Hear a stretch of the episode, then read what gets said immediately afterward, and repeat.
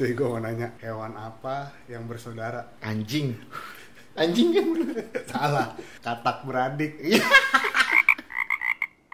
Aduh, pegel badan gua. Baru balik gawe lagi. baru gawe anjing. Anjing, baru gawe. Setelah sekian berapa bulan? 10 bulan. Hampir ya. setahun anjing. Iya.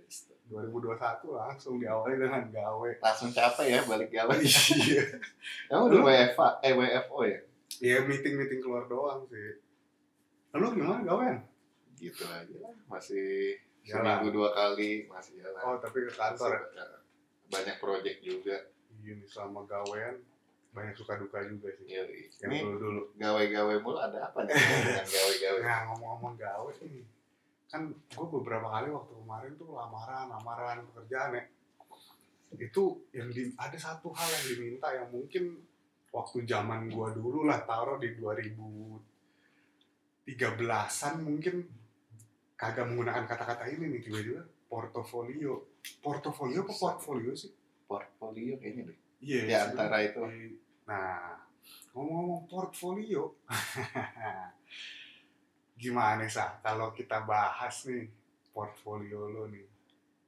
Lo dulu Ya aja. jangan gue dulu lah, kenapa dimulai dari gua? Gue ngomong. Portfolio gue Ya gini apa pun aja, ya berarti. apa pun aja yang eh, kira-kira yang bisa yang bisa jadi Wih, yang bisa jadi siapa tahu ada perusahaan yang mau lihat, mau, mau, mau bukan mau lihat ya.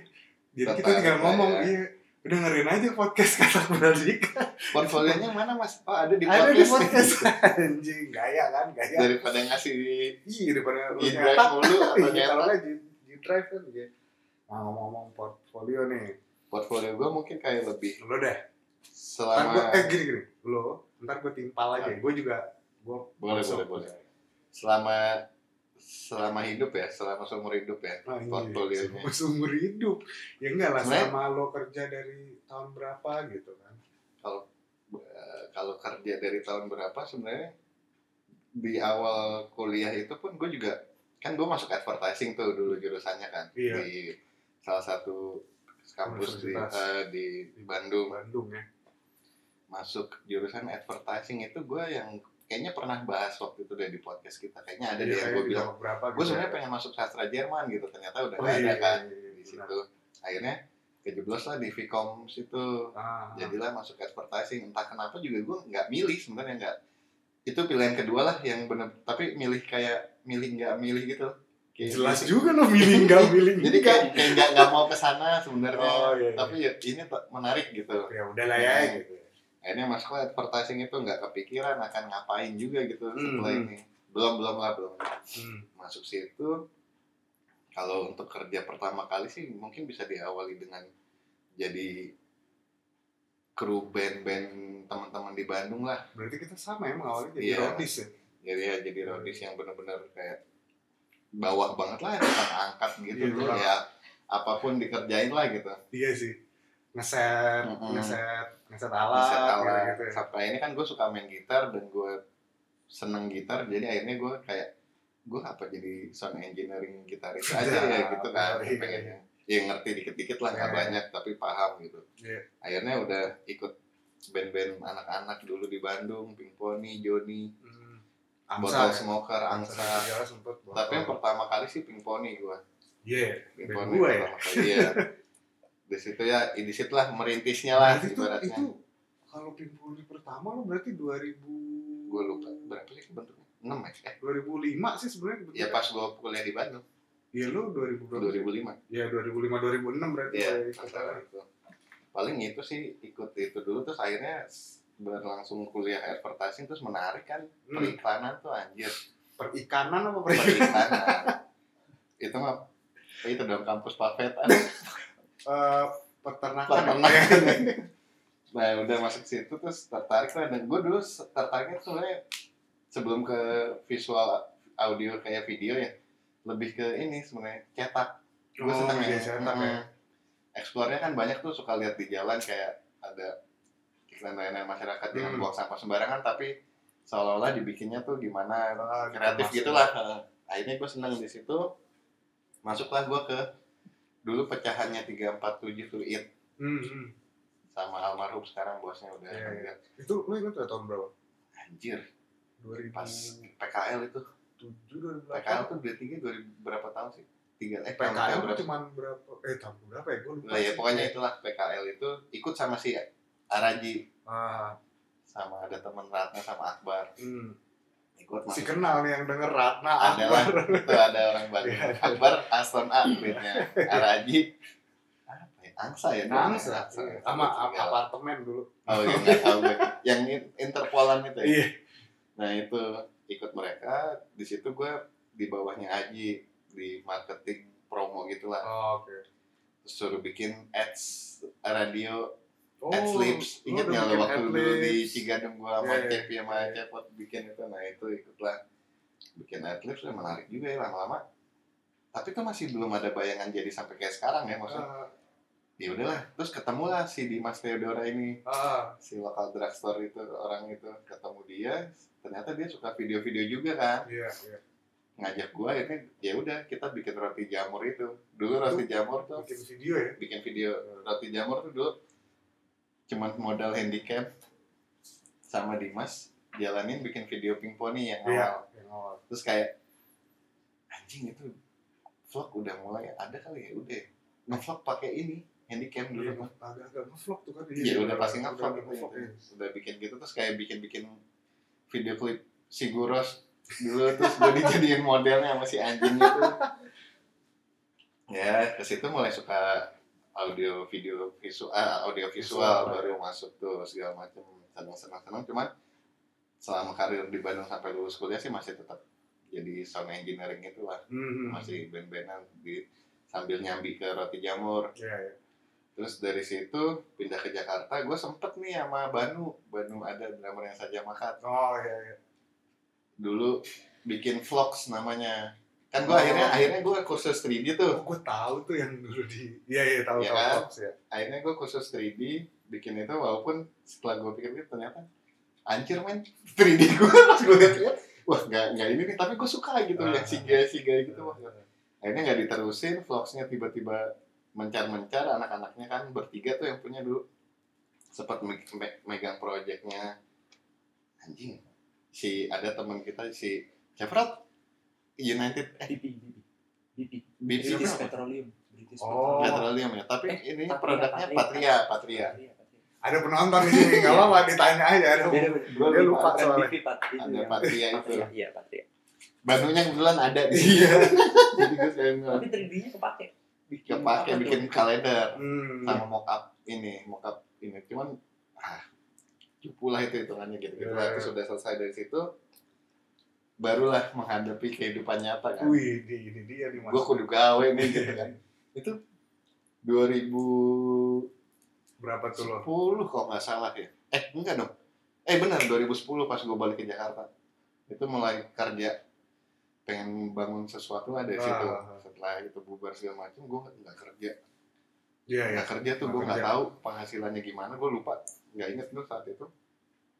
Akhirnya 2012 Hmm. Masuklah gue ke MNC channel. Oh, oke. Di situ jadi anjing itu bener-bener jadi masuk ke situ kan gara-gara sepupu kita tuh Banita nah, ada temennya di situ disuruh masukin CV akhirnya keterima. Yang gue nggak tahu gue kerja di TV tapi gue nggak tahu jadi apa di situ. Iya iya. Iya. disebutlah jadi ini aja PA PA dulu.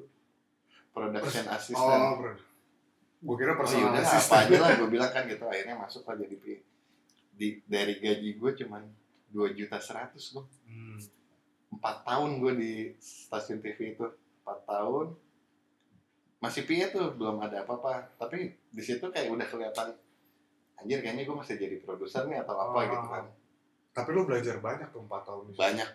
Walaupun nggak ada ilmunya sebenarnya ya Hmm. tapi tetap walaupun gak ada ilmunya. Benar-benar di sana tuh emang bukan menjekilkan stasiunnya ya tapi emang kayak lu dulu YouTube kan belum ada courtesy apa copyright kan Hmm. lu nyolongin gambar dari YouTube terus masukin ke TV gitu kan Hmm. bebas aja gitu dulu kayak Iya. gitu jadi belah belahannya dari selesai dari situ gue nggak berkembang nih gue bilang kan sampai 2016 akhirnya gue ke PH ada salah Ah. satu PH di Cimanggis itu Hmm. Eh, Kemanggisan ya jadi produser lah gue di situ hmm. itu masuk dunia PH anjir yang beda jauh dari TV gitu sistem Pasti kerjanya kan ya. iya dan oh, ini gini nih produser di PH nih ngerjain TVC kan dulu Hmm. ngerjain GoPro udah gitu kok akhirnya kan lumayan lumayan tuh Iya. Apaan aja yang pernah lo kerjain? B Bang B eh Bank Indonesia eh B Bank Indonesia tau gue. Hmm. tapi gue tuh nerusin project dari produser yang lama Iya, iya. yang gue pegang yang pure gue pegang tuh Telkomsel Loop Kepo Hmm. dulu tahun berapa tuh masih Raditya Dika sama Panji Pramodarasa Ya. gitu lah Prawira. Lupa gue juga itu. Raji Waksono. Oh. Pragi Waksono iya. iya. sama dia terus megang itu terus ada future ready itu kayak insuran Hmm. apa asuransi lah gitu future ready ya lumayan lah gue lupa ada beberapa lagi Hmm. lumayan gitu dari PH itu udah cabut gue biasalah sistemnya kantornya nggak jelas gitu lah Hmm. cabut sempet nganggur tuh lumayan berapa lama tuh Iya, iya, iya. akhirnya apply iseng di CNN kalau nggak salah Oh iya, oh iya. jadi iya. promo produser Hmm.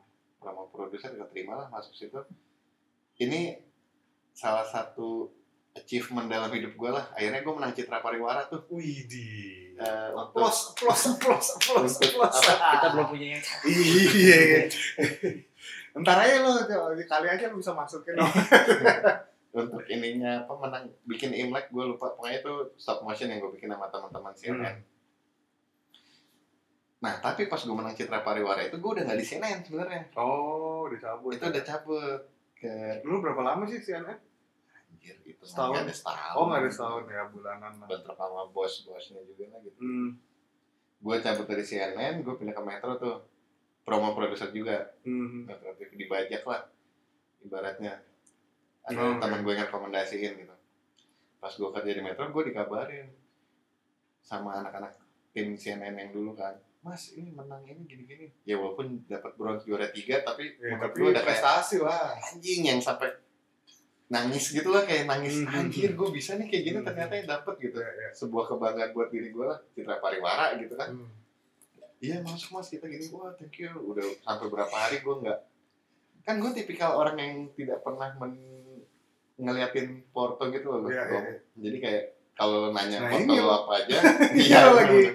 Lagi liatin. kalau nanya lo Portonya apa aja iya baru gue kasih Iya. nih gini-gini Metro gue banyak hal yang gue Metro kan agak ini ya kerja sendiri lah ibaratnya Hmm. semua diambil kalau promo produser akhirnya oh ngedirect enak nih gitu kan ketagihan lah gue ngedirect ngedirect di Metro udah banyak yang gue bikin dari hoodnya Metro segala macam banyak banget yang gue bikin akhirnya gue kayak oh ternyata gue ini nih suka di bidang ini nih Hmm. yang di mana itu adalah menjadi seorang director director Oh, di situ oh. Di di Metro tuh lo masih director. promo produser Oh. tapi kan promo produser di TV kan semuanya diambil dari ngedirect Oh ngedit iya.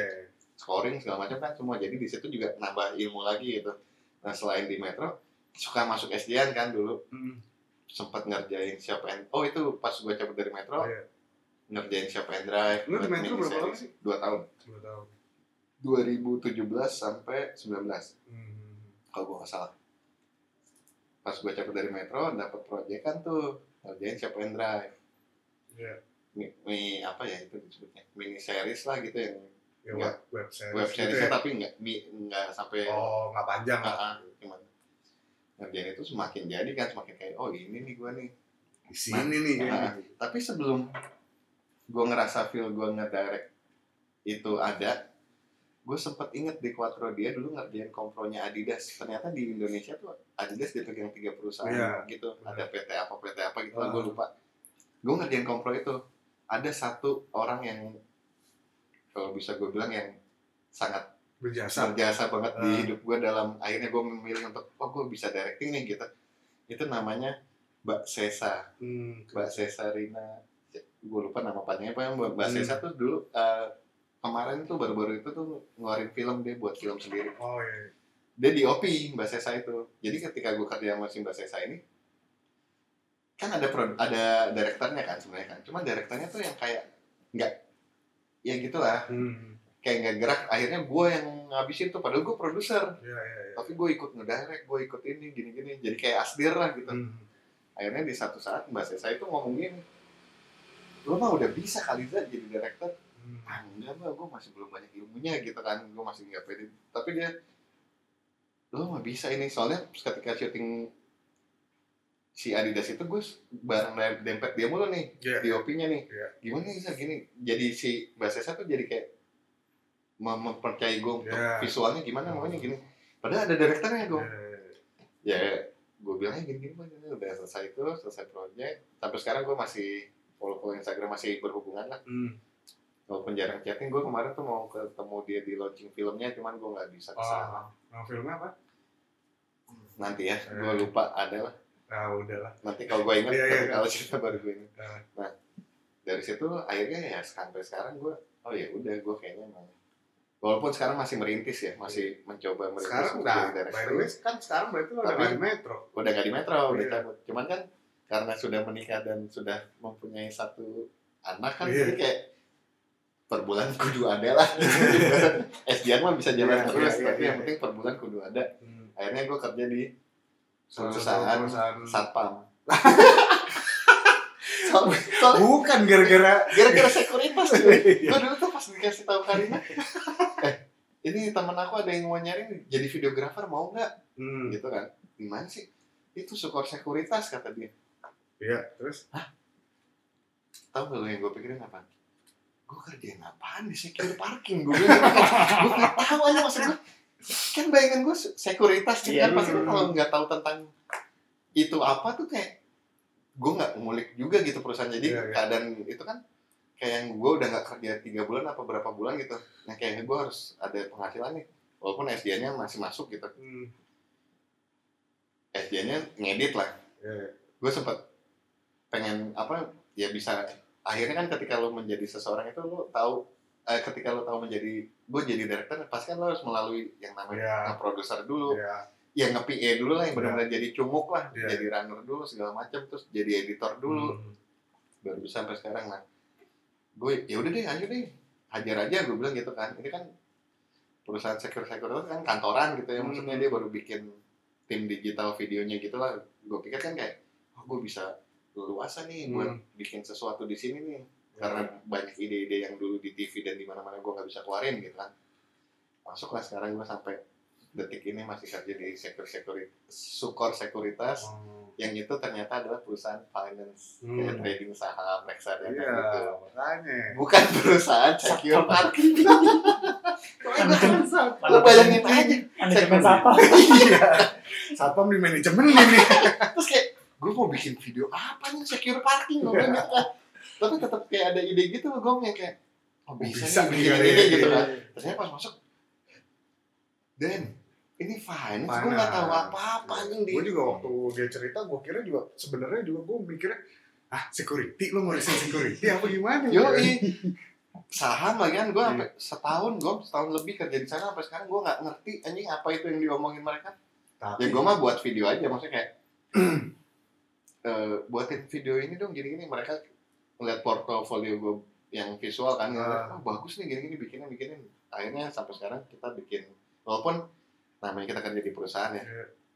kadang apa yang kita pikirkan kan Iya ya lah, udah maksudnya ya gitu eh, idealisnya nggak bisa terlalu idealis juga. Iya. Itu bukan perusahaan lo. gitu. betul Harus tahu posisi Tetap iya. kan. tapi ada satu cita-cita yang akhirnya Citata.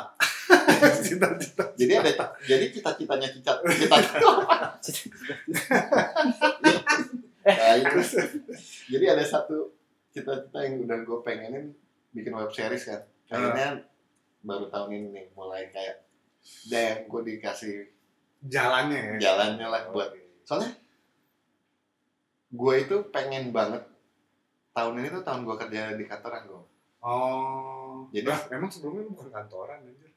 tahun ini tahun ini tahun ini Oh. gue nggak mau kerja di kantoran lagi Oh. jadi jadi batas gue kerja kantoran tuh Desember 2021 ini Oh. jadi selama 2021 awal sampai Desember itu gue akan cari terus di luar yang kayak ngerjain TVC Oh. iya, gue iya. fokus ngedirect banget Hmm, gitu. gue nggak tahu bisa apa enggak cuman gue harus sembari belajar ini lah Iya. ya gitu kan.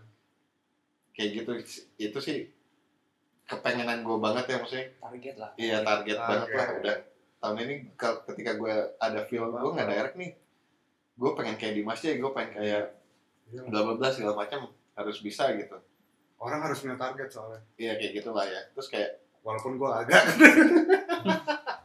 Udah ya paling sekarang lagi ngejar itu sih untuk hmm, kalau lo mau nanya masalah apa Hmm. tadi? Karir ya? Portofolio. Portofolio ya. Kan? kayak gitu sih. Sisanya sih ya masih kerja kerja apa SDN sih apa aja masih bisa diambil. Cuma Hmm. sekarang udah males ngedit sih. Gue udah udah kayak enggak deh gue satu ini aja. Soalnya gue Iya. sempet ini sorry ada yang ketinggalan. Sempet pengen jadi colorist juga. Oh grading gitu grading artis gitu colorist artis. Cuman kayaknya setelah gue mulik Da Vinci segala macam bisa bisa. Cuman nggak saya itu nggak boleh buta huruf tuh eh buta Buta warna. warna. makanya gue nggak bisa tuh. Gue kan parsial. Tapi sebenarnya orang buta warna itu lebih bahaya loh dalam menerapkan kombinasi punya warna. punya tes Iya, ya. karena dia lebih berani kan nabrakin Hmm. ini karena dia nggak tahu. Ya kayak gitu lah akhirnya gue ya belajar belajar apa pun yang dari PA sampai gue akhirnya memutuskan gue jadi director lah gitu. Apa yang harus gue pelajarin itu gue sampai sekarang pun gue masih belajar gitu. Masih banyak Iya. kurang lah. Berarti sebenarnya kalau ya dibilang juga dari perusahaan-perusahaan lama lu uh, lu dapat banyak ilmu ya. banyak. Banyak banget ya maksudnya lu jadi explore lu sendiri Yes. juga sih Benar. gitu dan masih satu benang merah gue iya iya gue juga nggak tahu kenapa akhirnya gue kayak nggak keluar ya. Nggak keluar dari apa yang dari awal gue jalanin gitu. Oh. Dari roti jamur gitu. Hmm. iya benar-benar inilah ujung Masih hidupnya tuh ya? itu iya Iya. terus inline terus. Walaupun perusahaannya doang yang beda-beda. Hmm. hmm, hmm. cuman emang kerja di TV tuh muak kan sama ya ya semua pekerjaan sih pada dasarnya capek atau memuakkan tapi ya gimana cara lo bersenang-senang di dalam situ Itu aja anjing. Gue Nah, sok-sokan gitu banget ya Kalau lu gimana dengan gue mah nih. Dengan gua nggak tahu lo tiba-tiba lah kok si Gumen bisa marketing? Kok bisa ini? Kok Ah, ini ya? macam. gue tuh gue awalnya dulu waktu waktu kuliah lah 2000 gue masuk kuliah kan 2002 D3 dulu tuh. Itu gue nggak ngapa-ngapain sih sebenarnya pure kuliah doang. Hmm. kagak kagak kepikiran untuk bikin apa ya gitu kagak. Nah gue selalu kepikirannya itu adalah eh, entah kenapa yang selalu terucap dari gue adalah mau bikin apa ya bukannya mau kerja di mana ya kayak gitu. Tapi waktu D3 sebenarnya gue gue kan di di Unpad juga kan. Pokoknya gue di Unpad lah D3 gue ngambil sastra Jepang. Wih dengan pengen ke Jepang tuh ya? Iya, gue gue gue ketertarikan gue akan karena gue dulu nonton film-filmnya kayak Google Five gitu, wah kayaknya bahasa Jepang Ini. asik nih, gue bakal kerja di Jepang kali ya. eh sorry gom gue putus. Gue Iya. baru nemu nih judul filmnya baru ingat gue namanya Cintia Short Movie Oh. si Mbak Cesarina Puspita nama panjangnya Hmm. dia nggak dia direkturnya di situ Oh, itu iya. filmnya dia Cynthia Oh. itu Nah kalau gue waktu dulu jujur pas D3 gue nggak nggak nggak nggak bikin sesuatu ataupun gue belum bekerja lah selain ngeband. Gue wah ada. Gua ngeband udah selepas D3 baru tuh di selepas D3 gue kenalan lah sama band-band udah dari band itu jadi kenalan ngeband ngeband gitu jadi rodis akhirnya selepas D3 rodis sebenarnya sama di situ Iya, kita ya mulainya. sama di situnya Rodis. Gue jadi Rodis sampai S1 tuh gue S1 sembari kerja di ada satu toko konsep store di Bandung namanya Lubel. Nah, gue kerja di situ jadi yang lucunya gue kerja di situ di bagian promosi. Oh, Entah kenapa iya. gue jiwa marketingnya baru mulai di situ ya gue kayak kayak gue banyak ngomong dah gitu sama gue kayak eh, nggak tahu ya gue suka suka Nongkrong. bagaimana satu nongkrong banyak ngomong mungkin terus sama suka bagaimana cara menyampaikan sesuatu melalui banyak hal gitu selain nongkrong dan selain ngomong gitu apa sih eh, lu bisa bikin sesuatu untuk menyampaikan brand ini tuh mau apa lewat ya waktu itu kan juga ada udah ada sosial media kan gitu makanya gue tertarik akan promo bagaimana caranya ngepromoin nih Facebook Facebook ya nih nih toko biar bisa uh, kelihatan di luar gitu. Nah, akhirnya gue gabung di situ gue sempat bikin satu acara kan, launchingnya hmm, 70s Orgasm Club. Gue sempat sempat bikin acara di situ. itu pertama kali berarti ya Mm-mm. Pertama kali gue bikin acara, eh iya bikin acara 70s Orgasm Club itu uh, launchingnya dia. Di perjalanan itu gue sempat jadi roadman, road manager, road manager band gitu lah. Terus sempat manajerin band juga. Udah nah setelah gue dari Lubel itu gue ditarik lah ke clothing. Wellborn. Oke. nah, Wellborn sedang lagi ngebangun deh kalau nggak salah waktu itu apa. Wellborn tuh udah jalan cuman dia butuh orang promosi juga Melbourne tuh berarti terhitung masih baru ya waktu lo masuk ya? iya masih masih gue bisa bilang tahun masih berapa? baru Ingat nggak? 2000 2000 anjir Belum sebesar sekarang kan? Belum belum belum belum 2000 oh sorry sorry ada yang kelewat jadi di saat gue kuliah juga gue nggak bikin satu portal radio Gigs on Sky itu. ah gigs on saya di situ lah mulai ada kuliah ide gue tuh kalau nggak salah. ada ide Wanski Iya. mulai ada ide dia untuk membuat sesuatu gitu karena sebenarnya lebih ke gue sama Wanski tuh lebih mikir kayak eh eh, kalau di radio konvensional lagu-lagu kita jarang nih iya, gitu kan terbatas lah ya. terbatas gitu ya udahlah kita bikin radio sendiri yuk dengan streaming dulu tuh Anjing berarti lo udah eh nggak podcast ya jatuhnya ya? beda ya? sebenarnya Udah masuk sih kan? ya tapi nggak gua rekam itu sayangnya Ah. adalah nggak gua rekam jadi emang cuman sekali siaran durasi sejam lah gitu mutarkan lagu-lagu yang gue pengen nama Ah. Wanski dengerin aja Masih idealis berarti ya sebenarnya. kayak gitu Ta- ternyata animonya lumayan orang-orang nah terus berkembang lah itu si Geeks on Sky sampai punya 10 penyiar Anjir. Itu kalau sampai sekarang bisa gede iya banget sebenarnya bisa Apalagi Iya. lagi kondisi begini. Iya, nah cuman waktu dulu ya, lu tau lah idealis idealis tai kucing lah. Iya. Maksudnya kayak, gue mikirnya, udah lah, duit apa itu duit gitu. Jadi kayak, Masih kayak ini ya. Project Thank You juga oke iya, gitu Project ya. Thank You juga diembat. Sekarang boro-boro Project Thank You mau diembat. Lagi mikir. ya udah lah, gue bikin Geeks kayak itu, akhirnya udah. Nah, berhenti di tahun, itu berjalan dua, setahun atau dua tahun deh, gue lupa. Lama juga ya berarti. lama kok lama Sound saya gue bikin udah setelah itu ya akhirnya gue lulus S1 lah ya lulus S1 gue udah gue terus kerja di Well- eh, Wellborn gitu kan gue kerja di Wellborn Eh, setelah dipromosi Wellborn tuh gue sempat waktu di Wellborn tuh ikut Jaklot ikut Look at Market di Bandung dulu kayak gitu gitu lah Gengsi juga ya. iya karena emang juga gitu. aimnya ke situ tujuannya ke situ nah akhirnya eh gue berhenti dari Wellborn akhirnya ditarik sama teman-teman gue untuk nge- eh, ngebantuin ngebuat sebuah agency agency musik dulu kayak booking agent lah hitungannya kayak booking agent terus tapi io juga kayak kalau lo tahu gue pernah bikin konser tulus yang diorama di Dagoti House dulu tahun Sebelum tulus jadi gila sampai sekarang ya?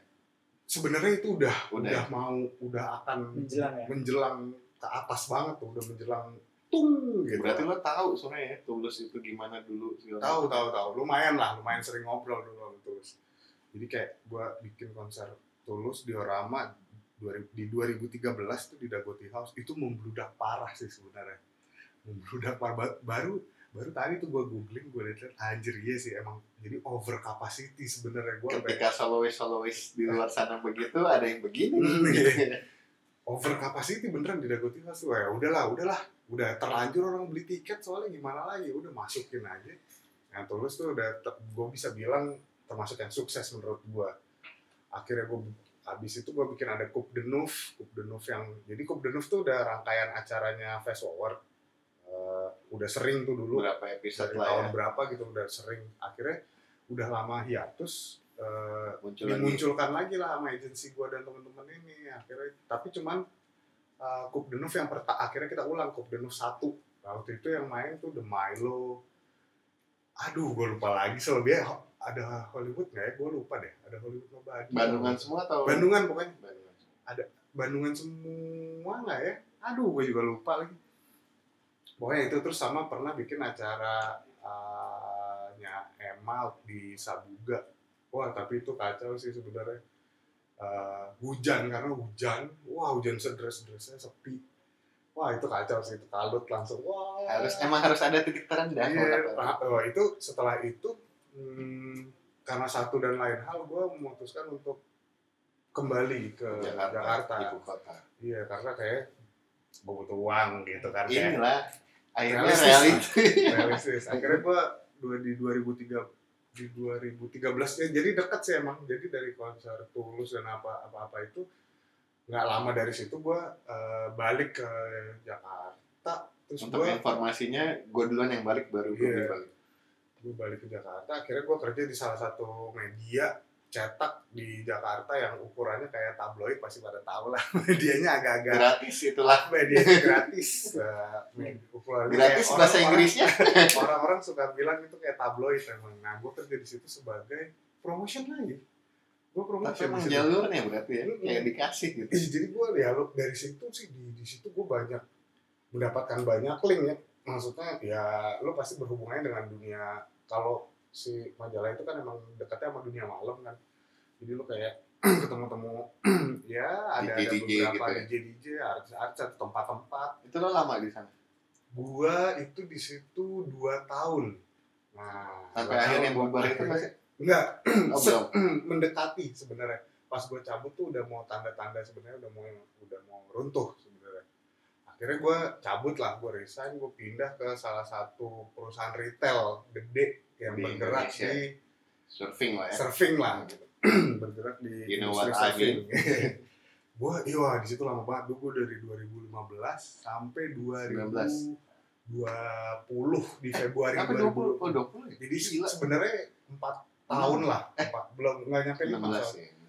gue empat empat tahun lah gue empat gue empat tahun di situ wah di situ sih banyak sih gue sampai dari jadi gue di situ adalah eh, ini apa Markom. markom ya markom gue markom Medsos.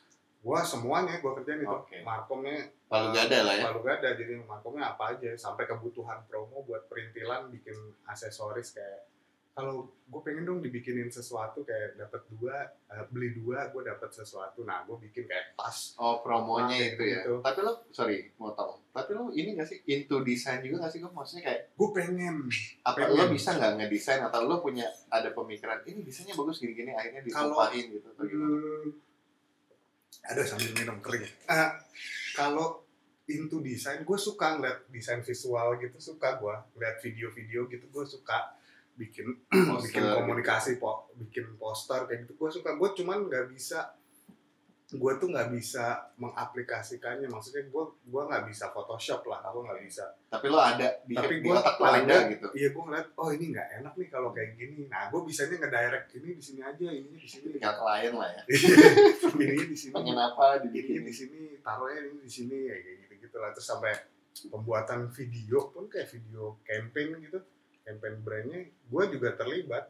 Gue gue nggak gue sih lebih ke jadi gue brainstormnya dulu sama fashion designer ya. Koleksinya dia mau apa mau moodnya kayak apa. Nah gue udah nyari tempat nyari modelnya kayak gitu gitu untuk ukuran seorang seseorang yang mempunyai makom disabel buta warna oke juga Iya, berarti cuman ya. gue kalau editing gue balik lagi gue serahkan ke yang lebih tahu ya. warnanya, yang mau warnanya kayak gimana. Nah yang gue mau tanya nih Gop, tadi kan gue udah nyebut satu orang yaitu Mbak Sesa Rina. Mbak Sesa itu Hmm, sebagai orang yang berjasa di dalam karir pekerjaan gue lah salah satunya hmm, dia lah. hmm.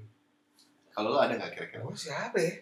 Apakah semua orang yang lo temuin tuh Sebenarnya iya sih. atau kalau bisa disebut Sebenarnya- satu aja?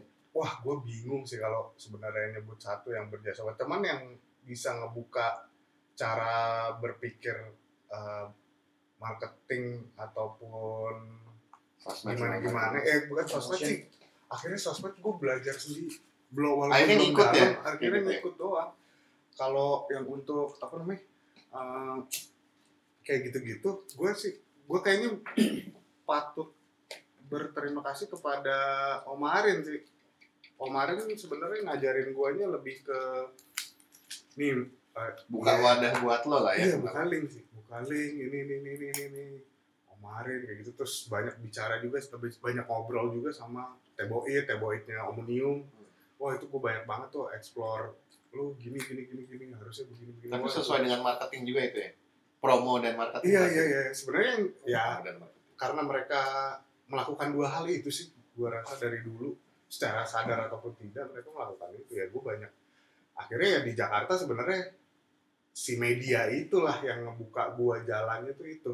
Karena gue bisa pindah ke perusahaan yang retail surfing itu. Nah, yang gede itu itu dari dari dari dari media itu. Dari klien gua. dari fotonya itu. Klien Oh, gua. klien. itu klien gua Oh. masang iklan tiba-tiba akhirnya oh ya udah gua gabung lah. Nah pokoknya akhirnya udah tuh gua memutuskan untuk berhenti di Februari 2020 itu tuh sebelum pandemi banget.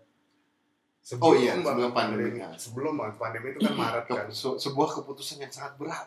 Sebenarnya sih iya kayak gua mikir gua karena gua nggak mikir itu kita nggak ada tahu pandemi iya ya soalnya. gue mikirnya cuma ya udahlah gue cabut aja. Gue pengen ya gue jujur aja pengen agak naik sedikit ataupun gue pengen mencari ladang yang belum pernah gue senggol lah. Agak naik tuh secara, Secara posisi karir, atau secara karir? posisi.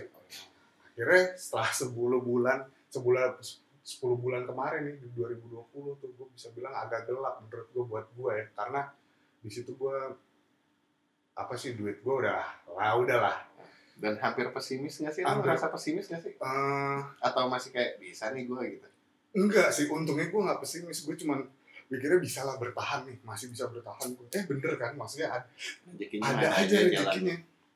Rezekinya jalan aja. Ketika Gomin lolos kerja itu, Hmm. akhirnya gue kayak memanfaatkan untuk udah lo ikut gue aja Gom. Nah ini iya, iya. syuting syuting. Akhirnya syuting-syuting kayak gitu. eh, tapi ya, kabar manis di Desember 2020 sebenarnya gue keterima kerja di salah satu perusahaan booking agent juga lah.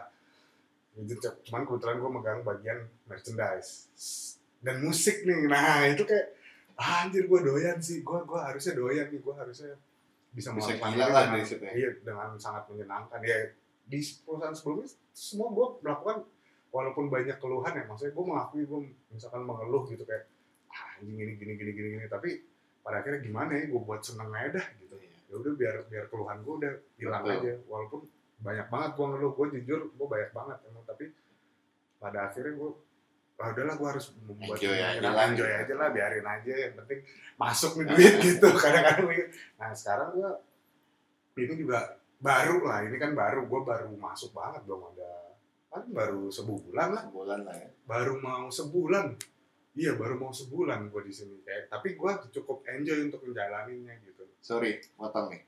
Tapi kan lo sebelum itu ada tuh berusaha untuk membuat sesuatu tuh, yang kayak dengar-dengar kayak ada basis pondok gede segala Hmm. oh macam. iya jadi di Itu kan selama lo menganggur itu kan. iya di 10 bulan itu di 2020 kemarin ya gue akhirnya bikin sama teman gue basis pondok gede tujuannya adalah eh, ini doang sih membantu teman-teman kita yang kena PHK kah atau sudah berhenti bekerja Ini pandemi udah ya. Hmm, udah pandemi yang efek dari pandemi lah mereka berjualan kuliner akhirnya yang ternyata di daerah Pondok Gede itu banyak Lingkupnya belum keluar Jakarta Belum. ya, masih ya Hmm. sekitar tempat tinggal lo aja berarti kan. iya kayak gitu terus gue jalanin bandar racun Jualan-jualan jualan mainan mainan gitu nah sebenarnya jauh sebelum ini juga gue kelewat nih jauh sebelum itu kita pernah bikin brand Clothingan. Tapi ini gue jujur nih anjing.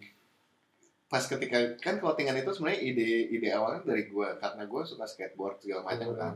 Terus kayak gue aktif main skateboard tuh pas gue nggak kerja tuh sama si Bandung juga nih. Iya. Lagi rajin main skate banget lah. Dulu tuh main skate di Bandung. Cuman vakum terus ketika Jakarta nggak ada kerjaan, belum dapat kerja, main ya, ya so sosokan inilah poser lah kayak Hmm. skate for my life gitu gitu lah skate Iya, life gitu gitu lah terus kayak main-main terus tuh kayak anjing gue main gini-gini aja. Terus akhirnya gue kepikiran gue suka satu brand skateboard Tracer dan gue suka desainer satu satu orang desainer yang desain Tracer tuh si ini Hmm. Neckfest oh iya iya. Neckfest Neckfest ngedesain ngedesain banyak band banyak ya. juga nah itu dari situ kan gue akhirnya berangkat tuh kepengen bikin nih. Hmm. akhirnya gue yang awal gue kepikiran ini gue ngomong sama Gomin. Gom kita bikin ini aja yuk kayak Tracer nih gue punya ini gini desainernya siapa? Si Koi aja si Koi terapi urin. Nah, karena gue nyambung sama Koi kan gue Hmm. kenal juga sama Koi. Koi desainnya oke kok gini. Dibikin lah bikin bikin bikin. Nah karena gue tahu riwayat kerja lo portfolio lo marketing kan saat itu Hmm. kan terus gue mikir kayak wah gue mana bisa lah ini majuin si Hmm. downtown dulu namanya kan terus segala macam. Terus nggak bisa ternyata. kayak nggak jalan gitu iya kan. Iya gue mengakui itu. Waktu itu soalnya gue masih kerja di perusahaan gratis Hmm. itu. Emang Ya emang jalan, emang gue bingung kenapa emang nih? ternyata susah nih gitu kan. Maksudnya gue juga menyadari anjir ternyata susah yang branding dari tuh susah brand branding. awareness tuh susah. Makanya susah banget. Cuman ya banyak belajar juga lah dari macam-macam semua semua perusahaan gua itu juga gua oh begini toh oh begitu toh gitu. tapi secara benang merah kita berdua berarti nggak ada yang keluar jalur ya gue sebenarnya? Dari Gua awal sih kita menikmati bidang tuh ya ya. nyambung terus kan sampai akhirnya sekarang ada di Iya ini gitu. sebenarnya sebenarnya iya sih. Sebenarnya yang sekarang bukan keluar jalur yang sekarang se- se- sejalan sama hobi gua. Kalau yang sekarang iya berarti nggak keluar Iya, dong iya, iya. masih ada di situ-situ juga lingkupnya sebenarnya iya begitu. Terus ada satu pertanyaan nih gue nih. Ini kayaknya kita udah Hmm. lumayan panjang ya cuman nggak apa-apa lah untuk episode ini. Satu pertanyaan nih. Lo ini gak sih berpikiran untuk gue berkarir di musik aja deh oh. Ada nggak untuk untuk untuk kayak gue harus sukses nih bikin band atau apa gitu? Ah gua gua kalau pengen sukses bikin band sih mungkin ada. Cuman ah, cuman ada pemikiran kayak gitu. Tapi pada akhirnya gua kayak ya udahlah eh, bikin mah bikin aja main musik main musik aja. Kalau nantinya jadi besar alhamdulillah enggak juga ya nggak apa-apa tapi karyanya terus aja diproduce kayak gitu diproduksi apa keluarin keluarin tapi nggak ada yang bener-bener lo pengen gue pengen musisi banget nih gitu. Oh gue sih nggak pengen sih banget sebenarnya. Kalau gue tuh beneran pengen punya toko mainan itu doang Gitu gua. Ya. karena hobi dari Iya, dulu ya? karena nggak tahu sih nggak tahu menjanjikan atau enggak tapi gue dalam cita-cita gue tuh gue pengen punya cita-cita tak lagi? Iya nah, nantinya. Nah ini ngomongin target nih ternyata gue punya target. Cita-cita gue di depan nanti entah di umur gue berapa gue tuh cuma pengen punya satu toko mainan off, offline ya ada Oke. offline nya gitu berarti ini kalau di gua itu adalah gue pengen sekarang directing full Hmm. gue pengen itu sekarang lo cita-citanya adalah punya satu toko mainan museum mainan yang kayak di Bandung itu ya Eh, Kayak wah gitu. itu di ya nggak kayak gitu Nggak ya kayak gitu nggak kayak gitu banget lah tapi gue lebih ke menjual aja lah Oke. lebih ke menjual kalau itu kan udah ada yang di Bandung udah ada di Jakarta di Jakarta di Tangerang apa di Bintaro ya udah ada juga tuh Museum of Toys. Di Jakarta di Jakarta udah ada di udah sana ada ya? lah ya, udah ada di Museum of Toys. Gue lupa di daerah mana sih tapi It- kayak gitu. Kalau gue gom kalau perbenan ya Hmm. dari dulu gue cuma satu doang yang gue pengen bikin album. Udah sama Kan satu udah ada satu lagi bikin album sama mas tanda tangan dong akhirnya sempat kemarin kita ngeband di Zaf itu Hmm. sama Pandu sama Fred itu akhirnya kayak album Capai EP kan? jadi bikin terus album, Album satu jadi ya. bikin terus orang datang mas tanda tangan dari situ oh udah nih kayaknya udah ya jadi gitu kalau sih ngomongin portfolio nih moga-moga sih jangan ada yang inilah gua, karena kita nyebut-nyebut brand nih kan Iya. nggak apa-apa ya itu kayak- aja lah di enggak maksudnya kayak tadi si Ansa pernah kerja di sana ya jangan di apa-apa Enggak, itu itu kan pengalaman iya. Ansa dan ini pengalaman gue juga. Sudut pandangnya ini sudut pandang kita berdua gitu. Mm-mm. tapi ketika kalian pendengar katak beradik ada yang kerja di sana ternyata enjoy ya itu sudut pandang kalian. nggak apa-apa dijalanin terus. Karena kita anaknya agak egois dengan idealis. Iya. Udah kali 2021 udah kali ah dah. Ya dah